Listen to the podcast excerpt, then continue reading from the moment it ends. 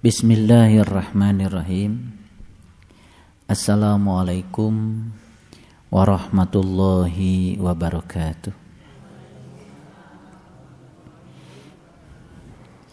Alhamdulillahillazi arsala rasulahu bil huda wa dinil haq liyudhirahu ala kulli walau karihal musyrikun Ashhadu an la ilaha illallah wahdahu la syarika lah.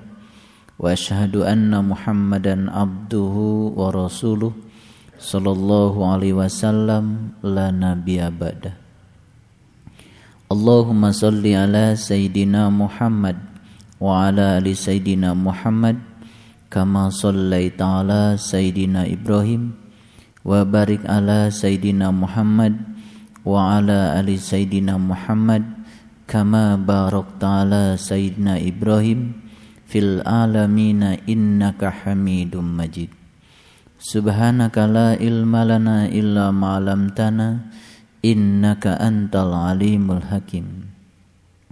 Subhanakallahumma rabbana wa bihamdika Ashhadu an la ilaha illa anta Astaghfiruka wa atubu ilaih Astaghfirullahaladzim. Astaghfirullahaladzim. Astaghfirullahaladzim. Allazi la ilaha illa huwal hayyul qayyum wa atubu ilaih min jami'il wa dhunub.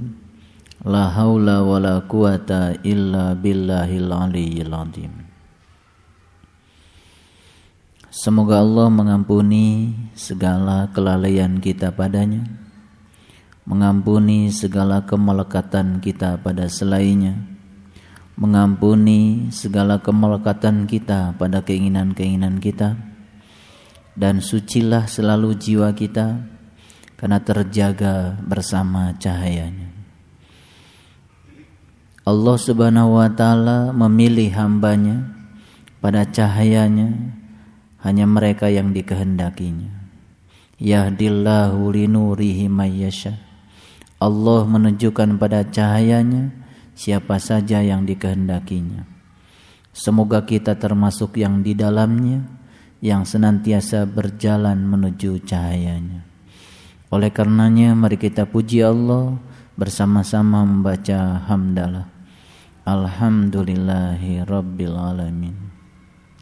Salawat dan salam mari kita sanjungkan karibaan junjungan kita Nabi Allah yang agung Nabi besar Muhammad Rasulullah Sallallahu Alaihi Wasallam. Seraya bersalawat padanya Allahumma salli ala Sayyidina Muhammad wa ala ali Sayyidina Muhammad. Mari kita awali kajian kita pada kesempatan yang penuh berkah ini bersama-sama memohon ridho dan berkah Allah. Semoga ilmu yang Allah titipkan kepada kita ilmu yang Allah amanahkan kepada kita terjaga selalu. Dan sedikit pun kita tidak pernah berkhianat kepada amanat yang Allah titipkan kepada kita. Sehingga ilmu yang kita peroleh membawa berkah untuk perjalanan spiritual kita untuk membaikan kehidupan dunia kita membaikan kehidupan akhirat kita sehingga masa depan ruhaniah kita menjadi jelas karena kita berfokus kepada Allah Subhanahu wa taala kita sapa semuanya dengan kelembutan dan cinta seraya membaca basmalah. Bismillahirrahmanirrahim. Dikisahkan ada seorang yang cukup berada. Dia punya anak satu-satunya laki-laki. Orang tuanya punya kebiasaan kalau anak ini mencapai sesuatu, apalagi prestasi, biasanya selalu diberikan hadiah. Puncak prestasi dari anak ini adalah saat di mana dia menyelesaikan kuliahnya dengan predikat yang sangat baik. Orang tuanya menjanjikan kalau kamu nanti bisa menyelesaikan kuliah dengan predikat yang sangat baik, maka ayah akan hadiahkan sesuatu untukmu. Dan ternyata anak ini meminta mobil kesukaannya. Karena setiap kali pergi kuliah mungkin saja anak ini lewat dealer mobil dan dia melihat ada mobil yang sangat disukainya dan disampaikan permohonan itu pada ayahnya. Dan ayahnya menyanggupinya dan anak ini sungguh-sungguh belajarnya. Dan ternyata mendapatkan prestasi yang sangat memuaskan. Dan anaknya tentu saja ketika sudah mencapai prestasi ini memiliki harapan besar ayahnya mewujudkan keinginan. Sampailah anak itu di wisuda dan setelah di wisuda dengan harap-harap cemas orang tuanya pasti akan menghadiahkan mobil kesukaannya itu.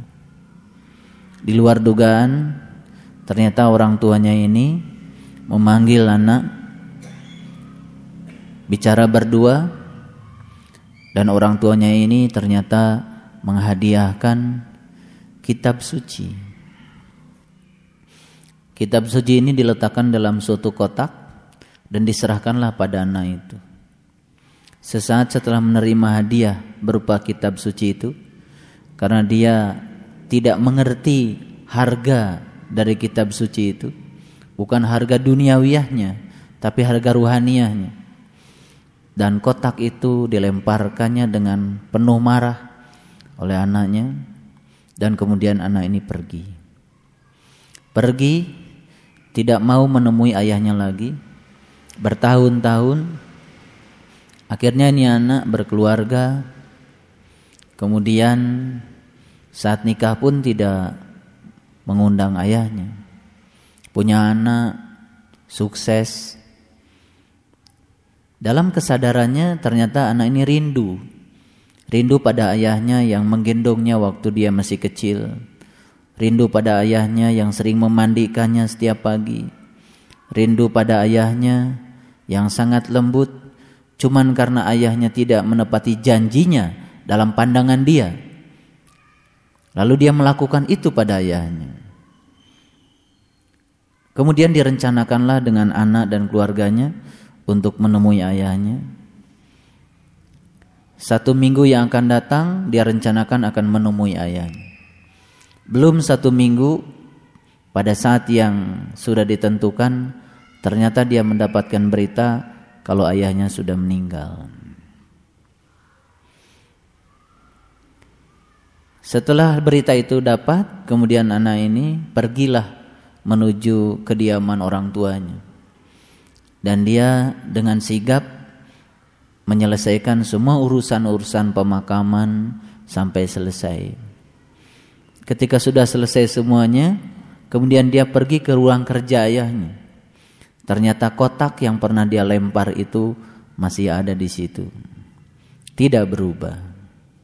Kemudian dia mengambil kotak itu dan membukanya dan perlahan dengan derayan air mata merasa bersalah cuman karena itu dia melakukan hal yang sangat menyakitkan kedua orang tuanya.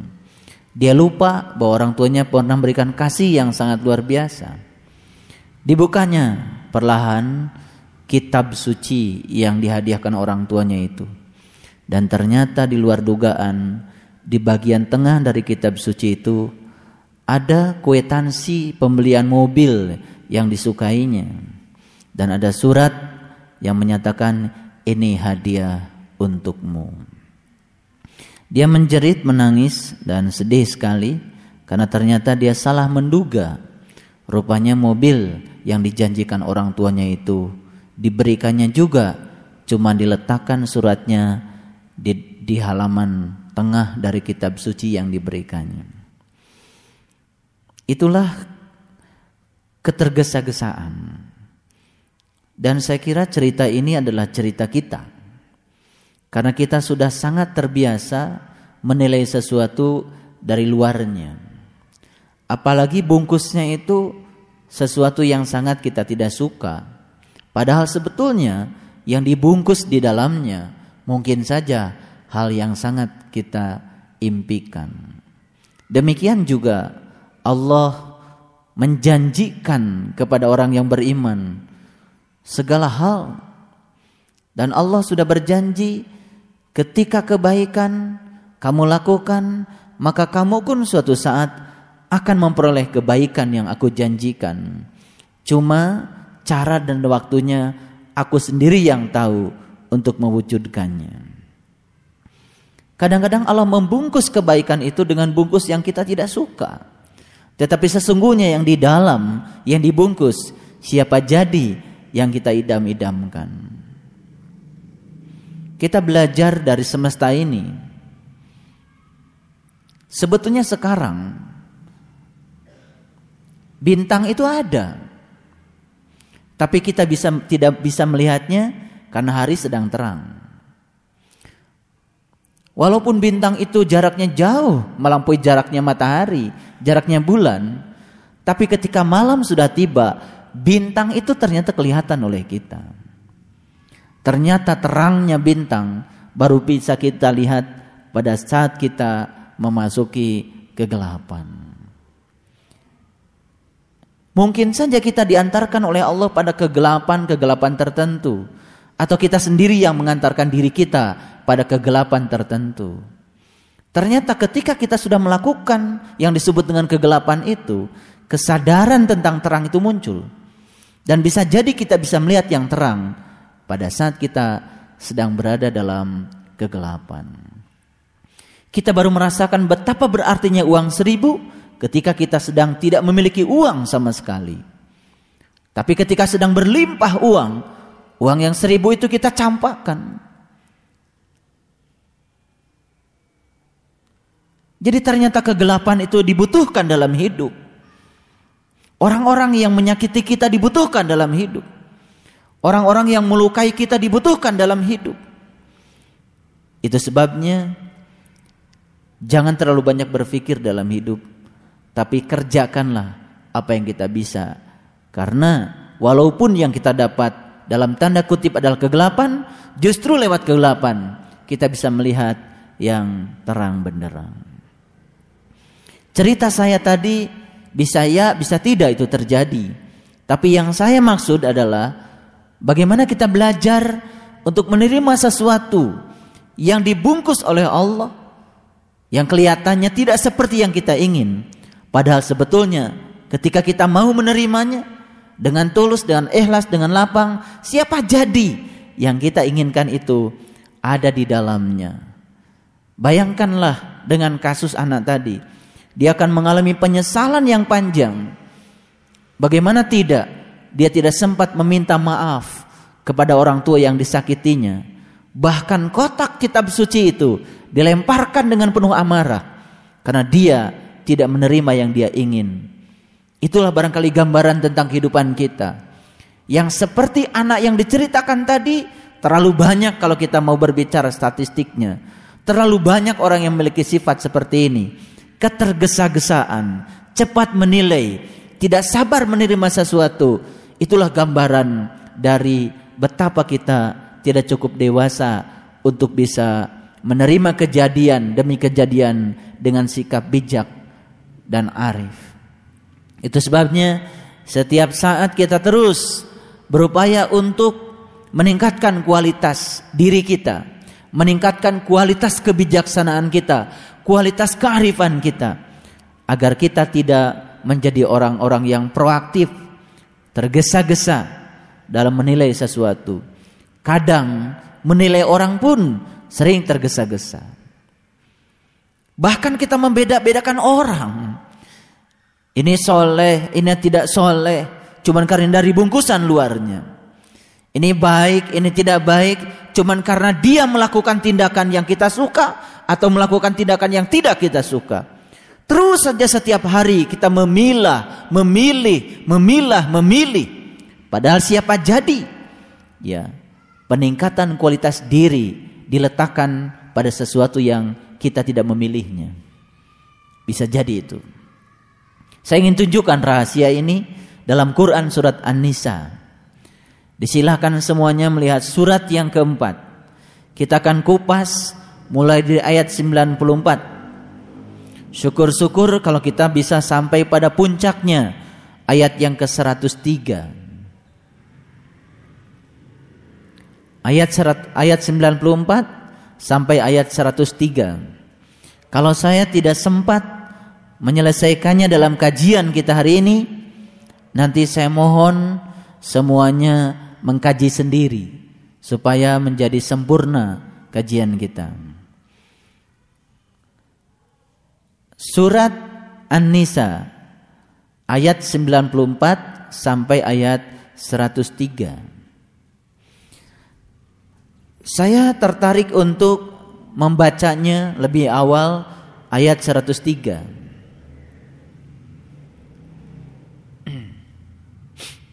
Semoga nanti tersambung dengan ayat yang ke-94. Semoga setelah ini kita tidak mudah melempar kotak yang sesungguhnya dalam kotak itu bisa jadi ada sesuatu yang kita harapkan Cuman karena bungkusnya tidak seperti yang kita ingin, kemudian kita lempar. Semakin mudah melemparkan yang Allah berikan pada kita, semakin kita tidak akan pernah mendapatkan yang kita ingin. Hati-hati, waspada, karena Allah selalu menguji kita. Baik, saya akan bacakan ayat 103. A'udzubillahi minasyaitonirrajim. Bismillahirrahmanirrahim. Fa iza qadaitumus shalah fazkurullah qiyaman wa qu'udan wa ala junubihim. Saya akan terjemahkan perlahan-lahan. Mohon diperhatikan dengan seksama. Fa iza qadaitumus shalah dan apabila kamu telah menunaikan, menegakkan mendirikan salat fazkurullah tugasmu yang berikutnya adalah mengingat Allah kapan mengingatnya qiyaman ketika kamu berdiri wa qu'udan ketika kamu duduk wa ala junubikum dan ketika kamu berbaring faizat maknantum. Ada perkataan seperti itu di ayat berikutnya. Faidat maknantum wa aqimus shalah. Kemudian apabila kamu telah merasa aman, maka dirikanlah salat itu. Kenapa Allah harus berbicara seperti ini? Kok mendirikan salatnya harus pada saat kamu sudah merasa aman? Jadi mendirikan sholat itu harus pada saat kamu sudah merasa aman. Orang-orang yang berpikirnya sempit, ya ini dikaitkan dengan zaman revolusi. Ya kan? Jadi aman yang dimaksud adalah pada saat tidak terjadi perang. Biasanya dikaitkan dengan itu. Padahal ini sebetulnya berkaitan dengan sholat hakikat. Ada sholat secara syariat yang 17 rakaat, ada juga sholat hakikat yang sama-sama 17 juga. Yang kemudian digambarkan dalam Quran surat Al-Isra dengan nomor surat 17. Surat Al-Isra itu nomor suratnya 17. Ya, 10 ditambah 7. Jadi apabila kamu telah merasa aman baru dirikanlah sholat itu. Sholat yang mana? Kok mendirikannya harus pada saat kamu sudah merasa aman. Kalau di Quran surat Al-Kahfi Allah mengatakan, janganlah kamu mengatakan halmu pada seorang jua pun. Kalau di dalam Injil dikatakan, janganlah ketika kamu sudah turun dari gunung, Janganlah kamu mengatakan halmu pada seorang jua pun sebelum anak manusia dibangkitkan dari antara yang mati. Banyak sekali ayat-ayat yang semacam itu, ya. Dan kalau kita jujur memahami ayat ini, sebetulnya ayat ini tidak sekedar berbicara solat dalam pengertian yang biasa. Tapi ini berbicara solat dalam pengertian yang luar biasa. Apabila kamu telah merasa aman, maka dirikanlah solat itu. Sesungguhnya solat itu adalah sesuatu yang ditentukan waktunya atas orang-orang yang beriman. Jadi jelas menurut ayat ini yang bisa solat itu hanya orang-orang yang beriman.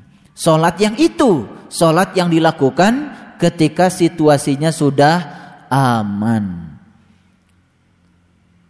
Kalau kita berguru kepada Injil, di dalam Injil dikatakan, janganlah kamu solat, janganlah kamu sembahyang seperti orang yang berpura-pura suci karena kamu suka bersembahyang di rumah sembahyang atau di siku jalan.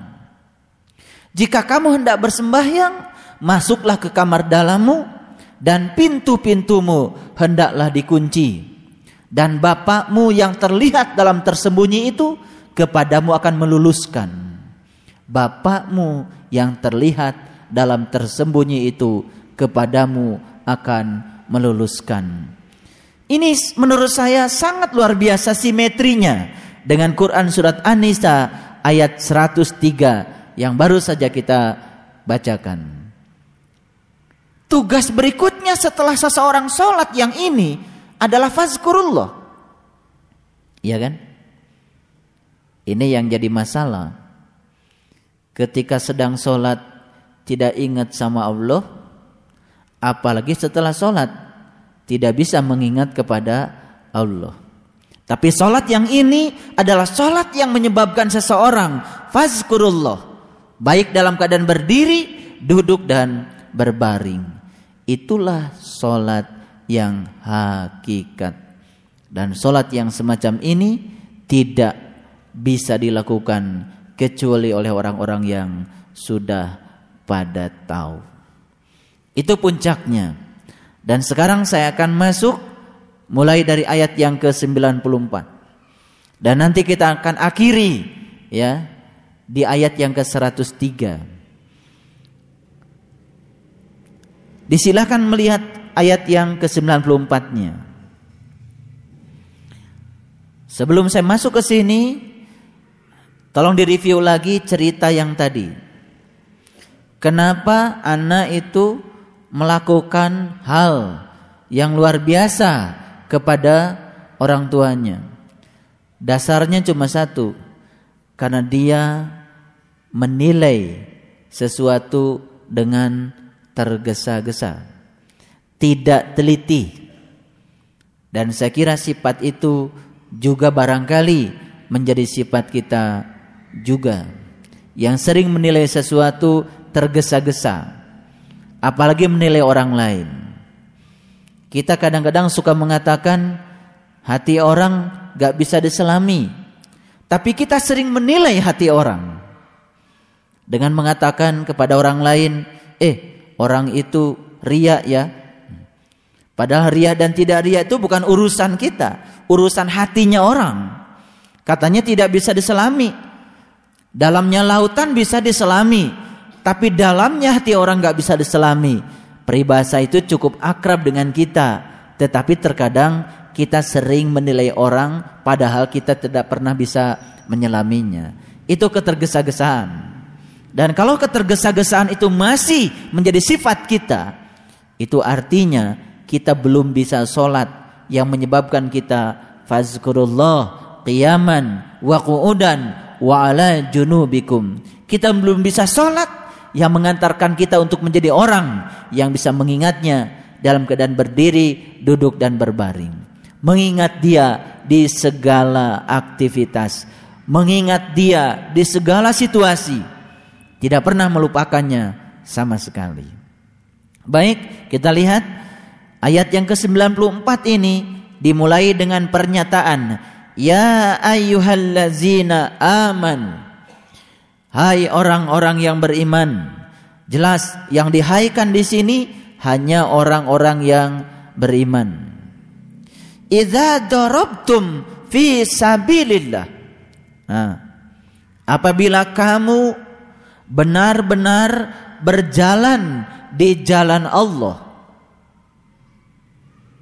Jadi orang yang beriman itu juga belum tentu sungguh-sungguh berjalan di jalan Allah. Ini yang diceritakan adalah orang beriman yang sungguh-sungguh berjalan di jalan Allahnya.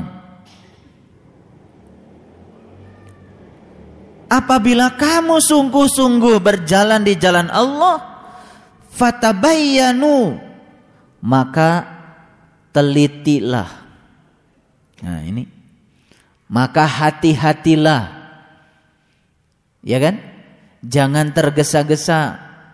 Jangan terburu-buru. Kalau sungguh-sungguh mau berjalan di jalan Allah. Karena ketidaktelitian ya. Ketidaktelitian, ketidaksabaran dalam menilai sesuatu itu mencerminkan kearifan dan kebijaksanaan seseorang. Biasanya orang yang buru-buru ujungnya pasti menyesal. Betul? Iya. Buru-buru menilai, buru-buru mengambil keputusan, apalagi mengambil keputusan pada saat kita tidak pada situasi yang sempurna, yang tenang, yang tentram, yang damai, biasanya keputusan kita juga keputusan yang salah, keputusan yang akan berujung dengan penyesalan. Fatabayyanu, ya tabayun berlaku telitilah. Berlaku hati-hatilah wala liman alqa ilaikumus salam lasta mu'minan Janganlah kamu mengatakan kepada orang-orang yang mengucapkan salam padamu dengan pernyataan, "Eh, kamu bukan seorang yang beriman." Ya, ada orang lain mengucapkan salam kepada kita, kita tidak menjawabnya karena kita menilai orang dari sisi luarnya. Barangkali karena berbeda keyakinannya dengan kita. Apalagi barangkali karena berbeda bajunya dengan kita. Lalu ketika orang lain mengucapkan salam kepada kita, kita tidak menjawabnya. Terlalu terburu-buru, terlalu tergesa-gesa menilai orang. Dan kalau kita mau sungguh-sungguh berjalan di jalan Allah, sifat yang semacam ini jangan dimiliki lagi oleh kita. Ya kan? Ini berbicara tentang akhlak. Mengucapkan selamat hari raya saja kepada orang lain yang berbeda dengan kita, yang hari rayanya berbeda dengan kita. Sampai hari ini barangkali kita masih belum cukup bisa untuk berlaku toleran yang semacam itu. Padahal mengucapkan selamat kepada orang lain yang berbeda baju dengan kita, insya Allah tidak akan mengubah keyakinan kita. Tidak akan melukai akidah kita. Justru dengan seperti itu kita sedang menampakkan kelembutan kita. Dan nanti kita akan lihat di bagian yang berikutnya. Ya, lasta mu'minan ya. Sesungguhnya kamu bukan seorang yang beriman. Justru ketika orang lain menyampaikan damai kepada kita, harusnya kita menilai dengan seksama bahwa pada dirinya ada kelembutan. Betul nggak? Pada dirinya adalah akhlak yang mulia. Betul nggak? Tapi kita tidak menjawabnya. Karena penilaian kita yang terburu-buru. Kemudian di ayat berikutnya, tabtaguna aradul hayati dunya. Apalagi ketika kita melakukan itu dikaitkan dengan kepentingan-kepentingan dunia. Ya, menilai orang dari luarnya salah lagi menilainya. Ketika orang mengucapkan salam kepada kita, kita tidak mau menjawabnya, Apalagi itu dikaitkan dengan urusan-urusan yang bersifat dunia. Kemudian Allah katakan di ayat berikutnya, fa indallahi maghanimu katsiratun. Karena di sisi Allah ada harta yang banyak. Kazalika kuntum min qablu famanallahu alaikum fatabayyanu. Ya. Begitulah jugalah keadaan kamu dahulu. Lalu Allah menganugerahkan nikmatnya atas kamu. Maka berlaku telitilah. Innallaha kana bima ta'maluna khabir. Sesungguhnya Allah maha mengetahui apa yang kamu kerjakan. Di ayat ini, di ayat ini satu kata kunci yang harus kita ambil. Berlaku hati-hati teliti ketika kita menilai orang lain. Ya. Oke, kita lihat ayat yang selanjutnya. La yastawil qaiduna minal mu'minina ghairu ulid darari wal mujahiduna fi sabilillah. Tidaklah sama antara mukmin yang duduk yang tidak mempunyai uzur. Uzur itu alasan, alasan mengapa dia duduk ya dengan orang-orang mukmin yang berjihad di jalan Allah. Jadi orang beriman ini menurut ayat ini ada dua. Ada orang yang beriman cukup merasa puas karena dia menyatakan sudah iman. Tapi dia duduk saja. Bahkan duduknya dia tidak ada alasan yang membenarkan dia untuk duduk. Duduk yang dimaksud di sini adalah diam diam tidak berbuat. Dikiranya iman itu cukup saja sampai di situ. Padahal iman itu kan tasdikun bil qalbi. Itu masih duduk itu. Wa ikrarun bil lisan itu sudah mulai beraktivitas tapi baru lewat lisan. Wal amalun bil arkan dan puncaknya iman itu adalah jihad fi sabilillah. Jihad fi sabilillah. Nah kira-kira tingkatan iman kita ada di mana? Saat ini kan kita sendiri yang tahu. Apakah kita ini iman yang duduk atau iman yang bergerak? Apa kita iman yang hanya duduk mencari-cari alasan untuk tidak berbuat? Atau kita terus mencari jalan untuk menang? Kita yang paling tahu. Tidaklah sama antara orang beriman yang duduk yang tidak mempunyai uzur duduknya itu. Tidak ada alasan kecuali dia duduk karena sakit. Kecuali dia duduk karena dia tidak berdaya. Kecuali itu. Tapi kita masih bisa berbuat, kita masih bisa bergerak, masih bisa beraktivitas, tapi merasa puas dengan iman yang kita capai, lalu kita duduk. Kita sedang memenggal iman kita. Kita hanya tasdikun bil qalbi tetapi kemudian tidak masuk pada wa ikrarun bil lisan wal amalun bil arkan. Makanya iman itu kan puncaknya adalah kepedulian. Iman itu puncaknya adalah kepedulian. Baik, kita lihat yang berikutnya, ya. Bi amwalihim wa anfusihim. Yaitu jihadnya itu dengan harta mereka juga dengan jiwa mereka. Faddalallahu mujahidina bi amwalihim wa anfusihim alal qaidina darja. Allah melebihkan orang-orang yang berjihad dengan harta dan jiwanya atas orang-orang yang duduk satu derajat. Hmm. Derajatnya bedanya cuma satu. Ya. Satu derajat yang dimaksud di sini Jangan derajatnya ketika kita memutari lingkaran. Bukan derajatnya sudut. Satu derajat, yang satu rendah, yang satu tinggi, kan satu derajat. Yang satu mulia, yang satu hina, kan satu derajat. Betul nggak? Satu derajat. Ya, hati-hati. Oh, cuma beda satu derajat kok. Hmm. Hati-hati. Ya, yang dimaksud derajat di sini adalah tingkatan, makomnya. Yang satu mulia, yang satu hina, yang satu tinggi, yang satu rendah, ya kan? Yang satu ikhlas, yang satu tidak ikhlas, satu derajat. Ya, yang satu lapang, yang satu sempit, kan satu derajat. Ya kan? Yang satu perangainya kusem, yang satu senyum, kan satu derajat. Betul? Satu derajat. Bedanya cuma sedikit. Makanya Allah selalu banyak bertanya di Quran. Hal yastawil ladina ya'lamuna wal ladina la ya'lamun?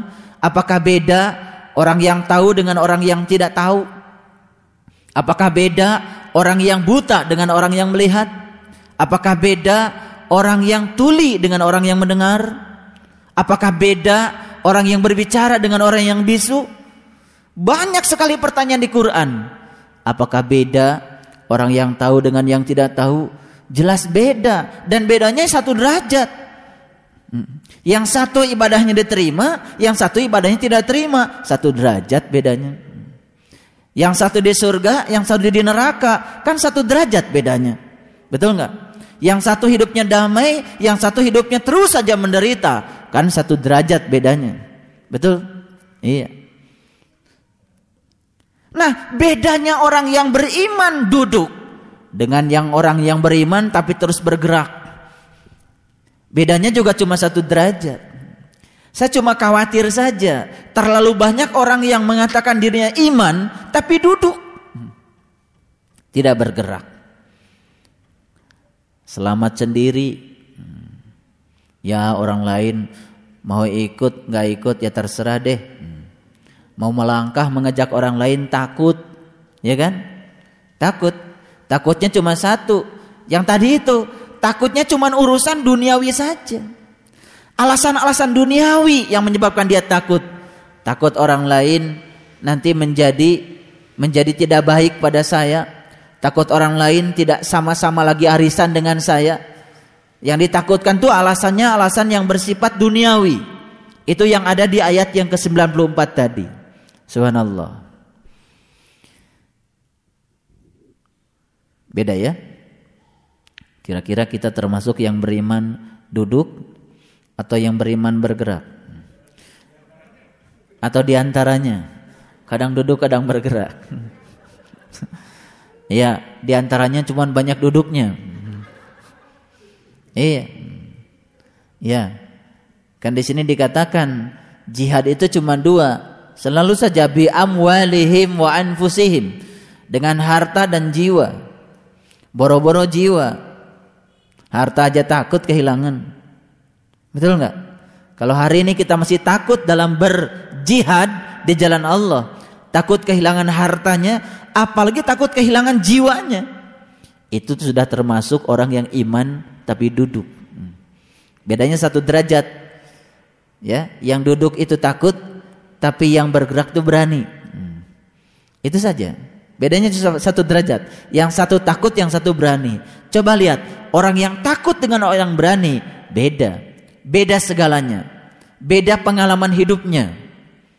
Ya, orang yang takut berbuat biasanya mencari alasan-alasan untuk tidak melakukannya.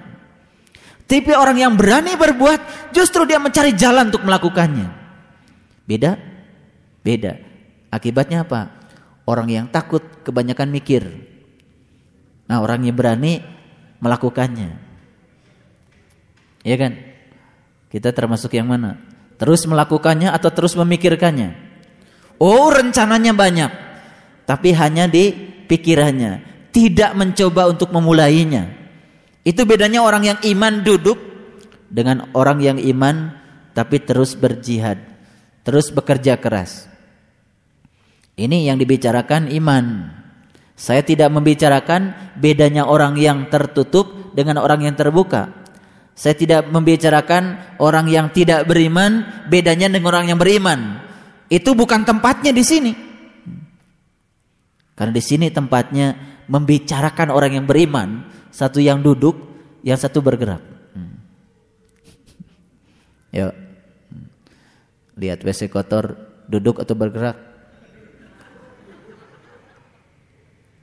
Ketika saya masuk ke sini di, di luar sana ada plastik bekas es itu di luar berantakan. Ada bekas cangkang rokok yang sudah kehilangan rokoknya. Hmm. Di situ berantakan. Ya saya melihat itu tidak nyaman, ya saya ambil, saya masukkan. Begitu saya lihat WC di sana juga kotor sekali.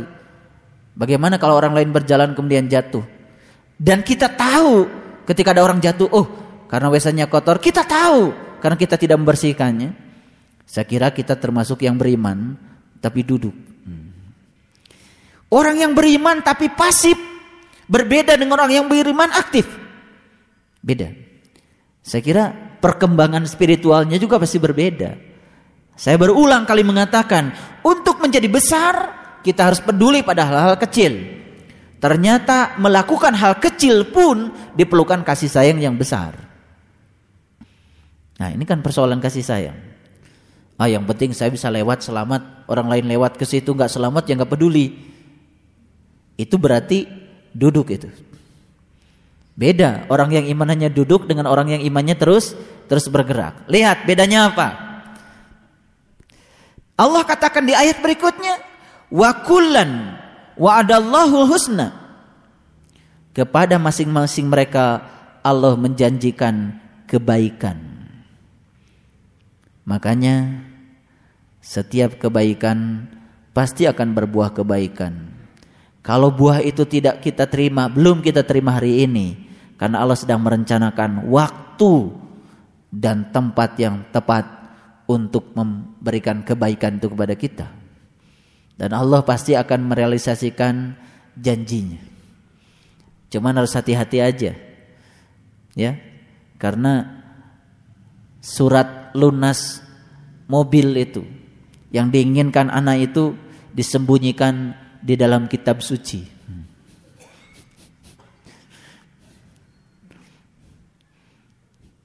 anak ini memang belum ngaji.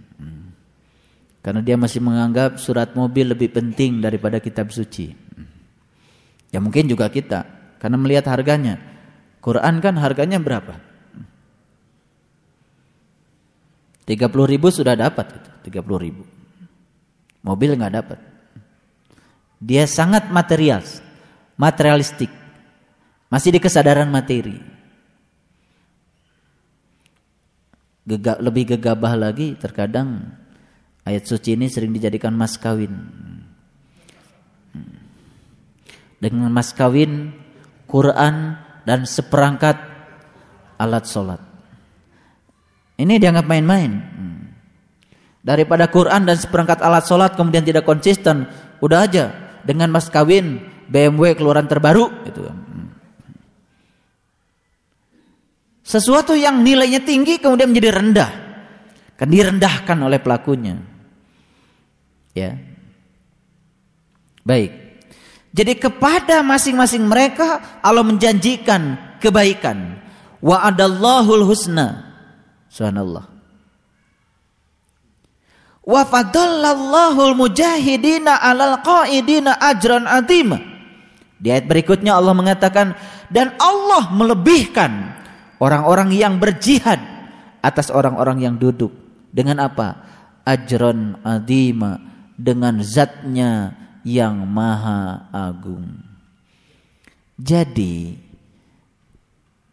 mengapa sulit sekali kita mencapai ajron adima kenapa pengalaman saya kok di situ-situ saja?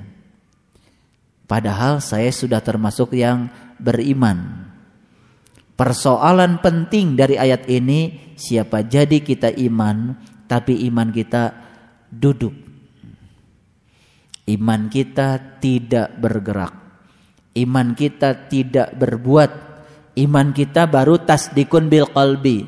Belum masuk pada ikrarun bil lisan wal amalun bil arkan. Jadi terpenggal imannya hanya di wilayah kolbu saja.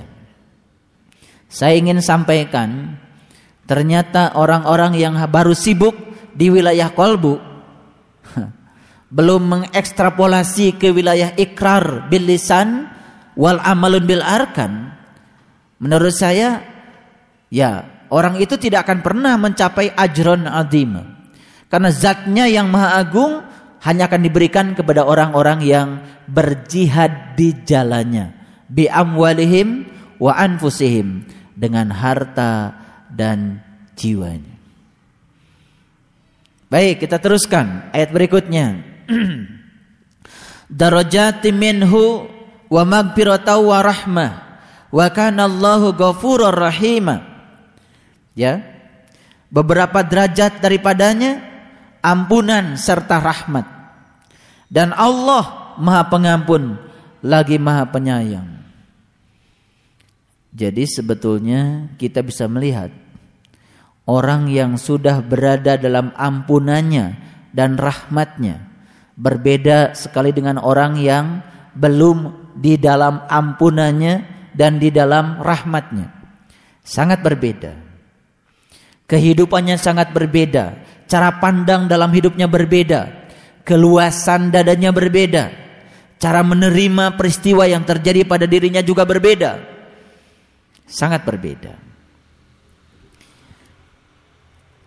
Kemudian kita lihat ayat berikutnya Innalladzina tawaffahumul malaikah zalimi anfusihim qalu fihi qalu ma kuntum. Sesungguhnya orang-orang yang diwafatkan malaikat. Ini ayat indah sekali bagi yang tahu.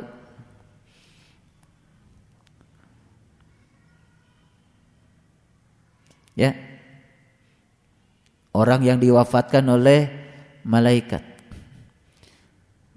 Pada saat kita pertama kali bertemu dengan seorang guru, pada saat kita dianugerahi ilmu yang namanya ilmu mati sebelum mati, pada saat itu kita dibacakan satu ayat yang berbunyi, malaikat maut yang berada dalam dirimu akan mematikan kamu dan kepada Tuhanmu lah kamu akan menghadap untuk menemuinya.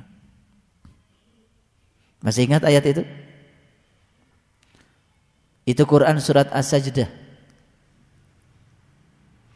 Malaikat maut yang berada dalam dirimu akan mematikan kamu dan kepada Tuhanmu lah kamu akan menghadap untuk menemuinya.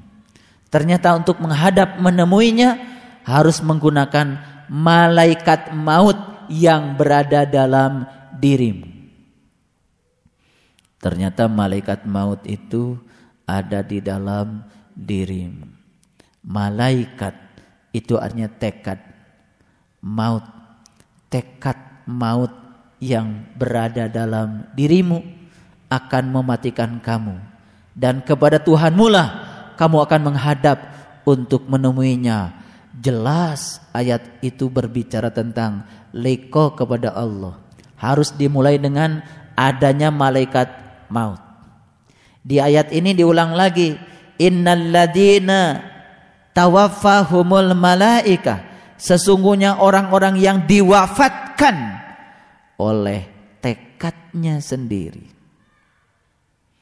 Dolimi anfusihim qalu fima kuntum tetapi mereka masih menggelapkan dirinya sendiri. Jadi banyak orang yang sudah bisa mewafatkan dirinya dengan malaikatnya, tetapi dalam wafatnya itu dia memasuki kegelapan. Ngerti maksudnya? Dia sudah mati sebelum mati, tetapi dia masih dalam kegelapan. Dia sudah tidak mendengar, dia sudah tidak melihat, dia sudah tidak bernafas, dia sudah tidak berbicara, tapi dia masih berpikir. ini yang dibicarakan ayat ini. Jadi matinya itu tidak kafah. Matinya itu tidak utuh. Gitu. Nah itu yang disebut di ayat yang sebelumnya. Orang ini tidak mendapatkan ajron adim. Nah biasanya karakter orang yang seperti ini adalah orang yang beriman tapi duduk. Duduknya ini bukan duduk karena tidak berbuat. Mungkin saja dia berbuat, tetapi perbuatannya tidak menaikkan derajat dia. Artinya kualitas ruhaniahnya tetap di situ-situ saja. Kalau berbuat kebaikan hanya kepada orang yang baik pada dia. Kalau dia berbuat kebaikan hanya kepada orang yang bisa membalas kebaikannya pada dia, masih ada batas. Karena di ayat yang ke-94 dikatakan dia masih mengaitkan segala urusan dengan urusan-urusan duniawinya. Jadi melepaskan urusan dunia untuk mencapai kesempurnaan urusan ruhania, urusan akhirat. Ini menjadi suatu poin yang sangat penting di kajian kita hari ini. Baik kita teruskan ya. Sesungguhnya orang-orang yang diwafatkan malaikat sedang mereka dalam keadaan ya dalam kega, dalam kega, keadaan dolimun nafsi dalam keadaan kegelapan dan kegelapan itu bukan karena Allah sedang menggelapkan kita tapi karena kegelapan yang dibuat oleh anfusihim dolimi anfusihim Qalu ma kuntum. Lalu malaikat bertanya, dalam keadaan bagaimana kamu ini? Qalu kunna mastad'afina fil ardi. Mereka menjawab, adalah kami orang-orang yang tertindas di negeri ini. Ya. Kemudian para malaikat berkata, Bukankah bumi Allah itu luas sehingga kamu dapat berhijrah di bumi itu? Oke. Saya mau kasih tahu. Kita sudah berhasil mendapatkan ilmu untuk mewafatkan diri. Tapi kita masih saja dalam kegelapan.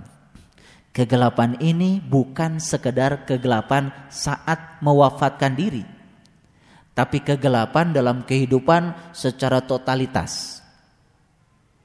Mengerti maksud saya? Kegelapan dalam kehidupan secara totalitas. Walaupun saya bilang tadi kegelapan juga diperlukan karena kegelapan dibutuhkan untuk melihat yang terang. Terkadang kita bisa melihat yang terang justru ketika sedang dalam kegelapan. Ada orang membunuh anak istrinya, baru nyesel dan menyadari bahwa perbuatannya salah ketika dia sudah melewati kegelapan itu. Betul enggak? Iya. Terkadang dibutuhkan. Tetapi yang dimaksud di ayat ini adalah ketika seseorang sudah berhasil mewafatkan dirinya. Berhasil dalam tanda kutip se sebagian. Karena yang sukses mewafatkan seluruhnya sampai mewafatkan pikirannya sendiri. Sebetulnya tidak mungkin dia berada dalam dolimi anfusihim. Tidak mungkin dalam kegelapan. Kegelapan itu semata-mata karena dia hanya sebagian saja mewafatkannya. Tidak mendengar, tidak melihat, tidak bernapas, tidak bicara. Oke. Tapi dia masih berpikir. Belum utuh. Itu masih dolimi anfusihim. Nah, kemudian malaikat bertanya, dalam keadaan bagaimana kamu ini? Mereka menjawab, adalah kami orang-orang yang tertindas di negeri. Jadi ketika kita masih merasa bahwa segala apa yang menimpa diri kita itu sebagai bagian di mana kita sebagai orang yang tertindas, sebagai orang yang paling sial, sebagai orang yang tidak beruntung, itu kan? Di bawah pikiran itu, ini kan sedang cerita ketidakmampuan kita menerima. Betul? Apa di dalamnya? Di dalamnya adalah kemelekatan. Berarti belum utuh kan menerimanya. Ketika belum utuh menerimanya, sulit sekali kita untuk mencapai mati yang totalitas. Sulit. Nah, lihat ayat yang berikutnya. Para malaikat berkata, "Bukankah bumi Allah itu luas sehingga kamu dapat berhijrah di bumi itu?" Ini kan cerita tentang alternatif. Orang bijak mengatakan ketika satu pintu tertutup untukmu, sebetulnya Allah sedang membukakan pintu lain. Cuman terlalu lama kamu tertegun di pintu itu. Jadi kecepatan seseorang untuk sadar berpaling kepada yang lain. Ketika dia tertegun di pintu itu, ini tergantung pada tingkat kesadaran yang dia capai. Orang yang bertakwa bukan orang yang tidak pernah salah, tapi orang yang mungkin pernah salah, tapi cepat sekali sadar ketika dia melakukan kesalahan. Kecepatan sadar, di sinilah ciri orang yang bertakwa. Bukan salah atau tidak salah. Karena ternyata kegelapan dibutuhkan. Ya kan? Subhanallah. Para malaikat berkata, bukankah bumi Allah itu luas? Ha, ini kata-katanya indah. Qalu alam takun ardullahi wasi'atan. Ya. Fatuhajiru fiha. Wasi'at. Allah itu salah satu namanya apa? Al-Wasi. Yang maha yang maha luas. Jadi kalau dia itu sudah mengerti bersama dia yang maha luas, maka dia juga akan menjadi luas. Sehingga tidak sempit lagi. Nah, kesempitan itu yang menyebabkan manusia sulit untuk menerima kenyataan. Dan kesulitan menerima kenyataan itu merupakan suatu halangan seseorang untuk mencapai kematian yang sempurna. Oke? Okay? Nah, orang-orang itu kata Allah tempatnya neraka jahanam dan jahanam itu seburuk-buruknya tempat dia kembali. Faulaika ma'wahum jahannam wa sa'at masyira dan jahanam itu adalah seburuk-buruknya tempat dia kembali.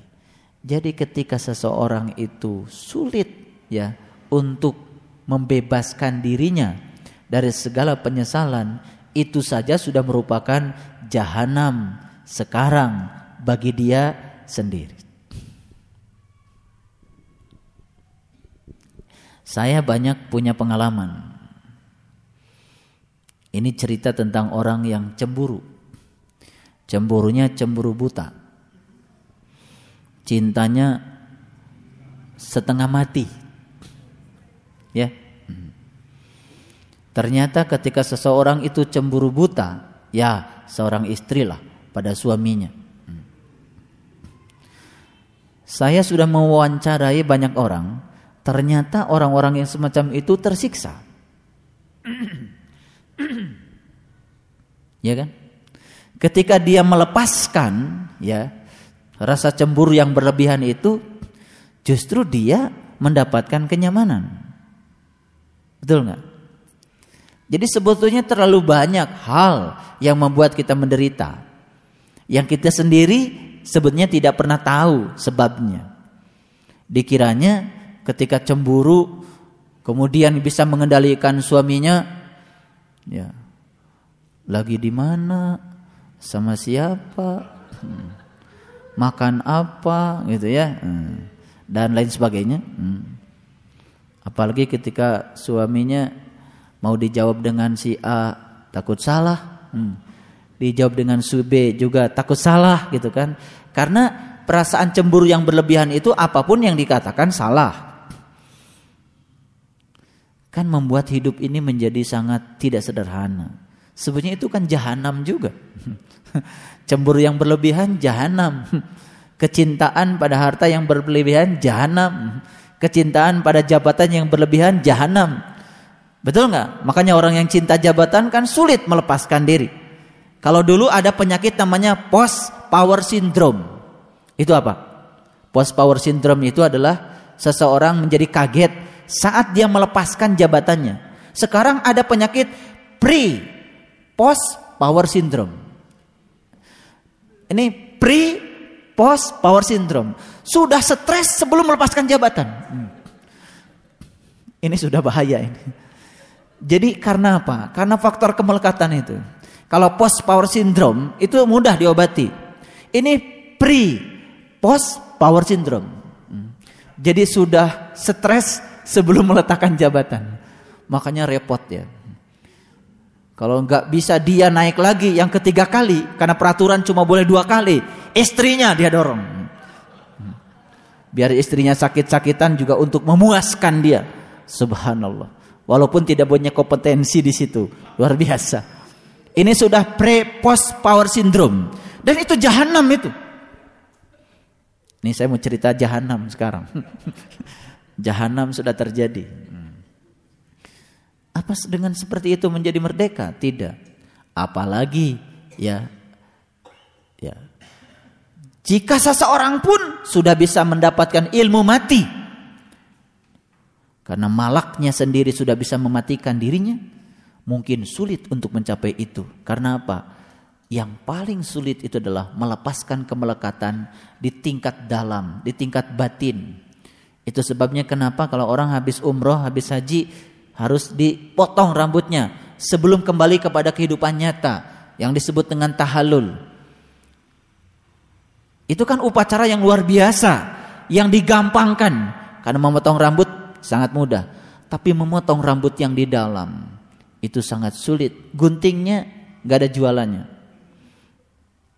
Yang bisa menggunting kan kita sendiri, betul nggak? Subhanallah. Ya. Kecuali mereka yang tertindas, baik laki-laki atau wanita ataupun anak-anak yang tidak mampu berdaya, berdaya upaya dan tidak mengetahui jalan untuk hijrah. Kalau ini kan cerita orang yang yang belum. Kalau tadi kan cerita orang yang beriman tapi duduk, ya. Mereka itu ya semoga Allah memaafkannya dan adalah Allah Maha Pemaaf lagi Maha Pengampun. Barang siapa berhijrah di jalan Allah, niscaya mereka mendapatkan di muka bumi ini tempat hijrah yang luas dan rezeki yang banyak. Nah, perintah berikutnya adalah perintah hijrah. Jadi ternyata ketika kita tadi sudah mewafatkan diri melalui malaikat tapi belum utuh proses mewafatkannya. Itu kata Allah disebabkan karena kita tertegun pada satu situasi. Padahal Allah mengatakan, bukankah bumi Allah itu luas sehingga kamu dapat berhijrah di bumi itu? Ah, di ayat yang ini ayat ke-100, barang siapa berhijrah di jalan Allah, niscaya mereka mendapatkan di bumi ini tempat hijrah yang luas dan rezeki yang banyak. Jadi, kalau hari ini kita belum di wilayah ini, berarti karena satu alasan saja karena kita terlalu terpaku. Sudah iman tapi duduk. Terpaku saja di situ. Tidak bergerak. Coba sekarang iman kita itu dinamis. Ya. Kita ketika ditutup di sini menoleh pintu lain, menoleh pintu lain yang sudah dibukakan oleh Allah untuk kita. Karena perintah hijrah menjadi perintah yang sangat penting. Itu menjadi kata kunci untuk mencapai proses mewafatkan diri melalui malaikat secara total.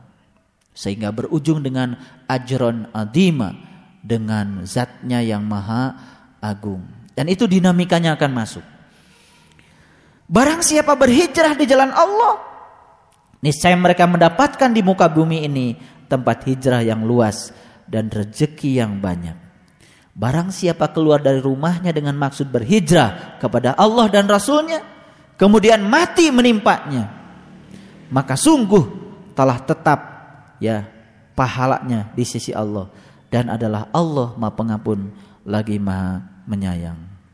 Bagaimana kalau kita belum berhijrah tapi kita sudah keluar dari rumah kita sudah beraktivitas walaupun seutuhnya tapi kita mati maka itu sudah dijanjikan pada saat mati beneran dia pasti akan mendapatkan ajron adima juga pada saatnya. Walaupun baru baru baru pada prosesnya belum sampai pada hasilnya.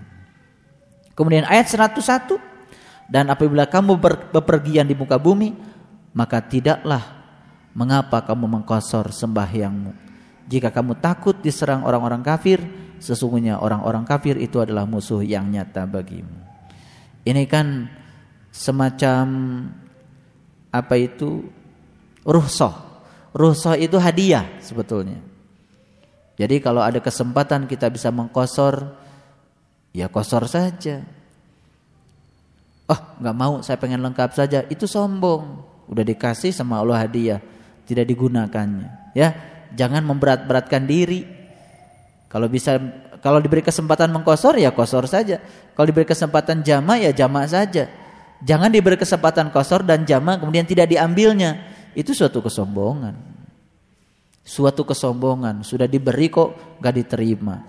Karena Allah tuh ternyata inginnya itu memudahkan kita. Nah, makanya gini. Orang dikasih ilmu yang mudah. Masa semudah itu gitu kan? Terus pengennya apa? Yang susah. Dikasih yang susah, nggak mau melakukannya karena terlalu berat. Betul nggak? Dikasih yang mudah ditolak, dikasih yang berat pun, yang susah juga tidak melakukan. Terus maunya apa? Maunya apa? Ya Allah. Jadi ini penyakit. Ketika seseorang habis diberikan ilmu ini, masa semudah itu? Mungkin kita pun pernah begitu dulu. Betul nggak? Ya, nggak percaya. Kalau saya mikir gini, oh dikasih yang mudah kita nolak. Kemudian dikasih yang susah, apalagi? Betul nggak? Terus maunya yang apa? Hmm. Makanya Allah dibilang di dalam Quran, wa yas'alunaka anir ruh. Jika umatmu bertanya tentang ruh, kulir ruh min amri rabbi. Ruh itu urusan Tuhanku. Wa ma utitu minal ilmi illa qalila. Tidaklah engkau diberi ilmu kecuali yang sedikit. Terima saja ilmu yang sedikit ini. Kalau diamalkan yang sedikit ini, kita akan tahu urusan Tuhanku. Urusan ruh jadi tahu. Jadi bukan berarti urusan ruh kita tidak boleh tahu. Tidak akan pernah tahu kalau tidak pernah menerima ilmu yang sedikit ini. Terima ilmu yang sedikit ini, amalkan. Ternyata urusan ruh menjadi tahu. Bagaimana kita bisa menerima yang banyak, yang sedikit pun kita tolak. Betul nggak? Terima deh yang sedikit ini. Kita akan tahu yang banyak. Ikra bismi rabbikal ladzi Dengan yang sedikit ini kita bisa ikra kepada Tuhan. Siapa yang diikro? Siapa yang dilihat? Siapa yang dipeleng? Siapa yang dibaca? Bismi rabbikal ladzi khalaq. Tuhanmu yang telah menciptakanmu. Begitu ikronya sudah lurus dan benar ke sana. Allazi 'allama bil qalam, 'allamal insan malam ya'lam. Aku akan mengajarkan kamu langsung dengan penaku sendiri dan aku akan mengajarkan kamu apa yang kamu tidak tahu. Indah enggak? Diajarkannya pakai penanya Allah. Luar biasa. Penanya Allah tidak pernah salah pelajarannya. Ya kan? Subhanallah. Ayahanda, ibunda dan sahabat-sahabat sekalian, ya. Di ayat yang ke-100 di ayat yang ke-102 ini kan cerita tentang uh, keringanan dari Allah. Terimalah keringanan ini karena luar biasa. Dan apabila kamu berada di tengah-tengah mereka, lalu kamu hendak mendirikan solat bersama-sama mereka, maka hendaklah segolongan dari mereka berdiri besertamu dan menyandang senjata. Kemudian apabila mereka sujud, ya, maka hendaklah mereka pindah dari belakangmu dan hendaklah datang golongan yang kedua yang belum bersembahyang. Lalu bersembahyanglah mereka dengan dan hendaklah mereka bersiap siaga dan menyandang senjata. Orang-orang kafir ingin supaya kamu lengah terhadap senjatamu dan harta bendamu Lalu mereka menyerbu kamu dengan sekaligus dan tidak ada dosamu atas meletakkan senjata-senjatamu. Jika kamu mendengar mendapat sesuatu kesusahan karena hujan atau karena kamu memang sakit dan siap siagalah kamu. Sesungguhnya Allah telah menyediakan azab yang menghinakan bagi orang-orang yang kafir itu. Ya itu kan itu cerita, itu teknis ya, itu syariat sekali. Nah, makanya di ayat 103 ya maka apabila kamu telah menyelesaikan solatmu, ingatlah Allah di waktu berdiri, di waktu duduk dan di waktu berbaring. Kemudian apabila kamu telah merasa aman, maka dirikanlah solat itu.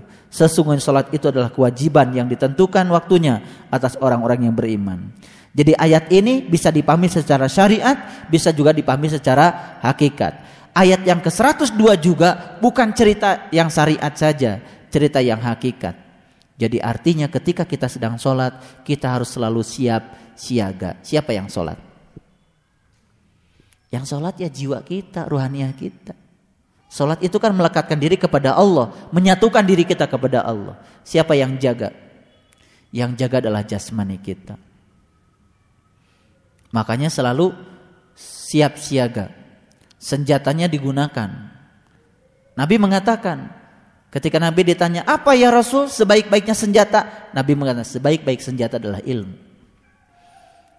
Jadi senjata yang tadi itu bukan senjata biasa, tapi ilmu. Ya kan? Nah, ilmu tentang apa? Kalau dikaitkan dengan ayat yang sebelumnya dan ayat yang sudahnya, ilmu yang dibicarakan di sini bukan ilmu biasa. Tapi ilmu yang mengantarkan seseorang untuk mewafatkan dirinya dengan malaikat. Ya, makanya senjatanya dipasang, ilmunya dipasang. Ketika senjata dipasang, kita baru bisa sholat dalam keadaan damai. Sholat yang dimaksud adalah sholat secara hakikat. Nah, kalau secara syariat, ya ini lagi berperang nih. Ada orang yang sedang sholat dijagakan dengan senjata. Sama saja dengan di Mekah. Tidak semua askar ketika sedang sholat mereka sholat. Ada yang bagian jaga. Setelah selesai sholat baru yang lain sholat. Kan gitu. Ya, tidak semuanya sholat. Coba perhatikan siaran langsung ya sholat di Masjidil Haram. Ada yang jaga, Ya, ada yang jaga imam, ada yang jaga jaga. Seperti itu. Ini memang ada ayatnya. Tapi sebetulnya ya yang lebih penting dari semua itu adalah solat dalam pengertian yang hakikat. Dan senjata yang digunakan adalah ilmu. Ilmu tentang apa? Ilmu tentang mewafatkan diri dengan malaikat. Itulah ilmunya. Ilmu mati sebelum mati. Dan kita baru bisa melakukannya pada saat kita masih memiliki tubuh jasmani ini. Indah. Makanya ada pernyataan di sini, ya. Apabila kamu hendak mendirikan sholat, apabila kamu kemudian apabila kamu telah merasa aman, maka dirikanlah sholat itu. Nah, bisa dikaitkan secara syariat, bisa dikaitkan secara hakikat. Secara hakikat merasa aman artinya tidak ada orang lain yang melihat lagi bisa melakukan sholat yang hakikat itu. Secara syariat merasa aman artinya jika kita sedang sholat dalam situasi yang seperti diceritakan tadi. Tapi sebetulnya Nabi pun mengatakan sebaik-baiknya senjata adalah ilmu. Makanya di dalam uh, hadis Rasul yang kita kenal, makrifat adalah modalku, akal pikiran sumber agamaku, rindu adalah kendaraanku, dan yang berikutnya ilmu adalah senjataku. Ya, jihad adalah perangaiku dan puncaknya adalah solat adalah hiburanku. Baik, kita urut lagi cerita kita dari awal. Jadi ya, di dalam Quran Allah mengatakan wasta'inu bisabri wassalah wa inna lakabiratun ila alal khasiin. Minta tolonglah kepada Allah dengan sabar dan solat. Hal itu tidak bisa dilakukan kecuali oleh orang-orang yang sudah khusyuk dalam sholatnya. Jadi sebetulnya minta tolong kepada Allah itu dua, sabar dan sholat. Itu sebabnya sabar dan sholat tidak mungkin bisa dipisah. Untuk sholat harus sabar. Habis sholat menghasilkan sabar. Terus akan menurus, terus menerus seperti itu. Itu sebabnya semoga sholat kita baik yang syariat maupun yang hakikat bisa menghasilkan diri kita yang tidak tergesa-gesa. Menghasilkan diri kita yang tenang, yang damai, tidak mudah menilai seperti mahasiswa yang tadi melemparkan kotak yang di dalamnya ada kitab suci, yang di dalamnya padahal ada surat mobil, cuman karena dia melihat kitab luarnya saja tergesa-gesa menilai, oh dilemparkannya terhadap apa pun yang Allah berikan kepada kita, jangan tergesa-gesa menilai. Lebih baik kalau kita menilainya dengan pikiran yang positif, karena yang memberi adalah Allah, pasti di dalamnya ada yang kita ingin. Cara Allah memberi yang kita ingin dengan bungkusan yang mungkin kita tidak ingin. Itu kuncinya. Terima kasih atas segala perhatiannya. Mohon maaf atas segala kesalahan.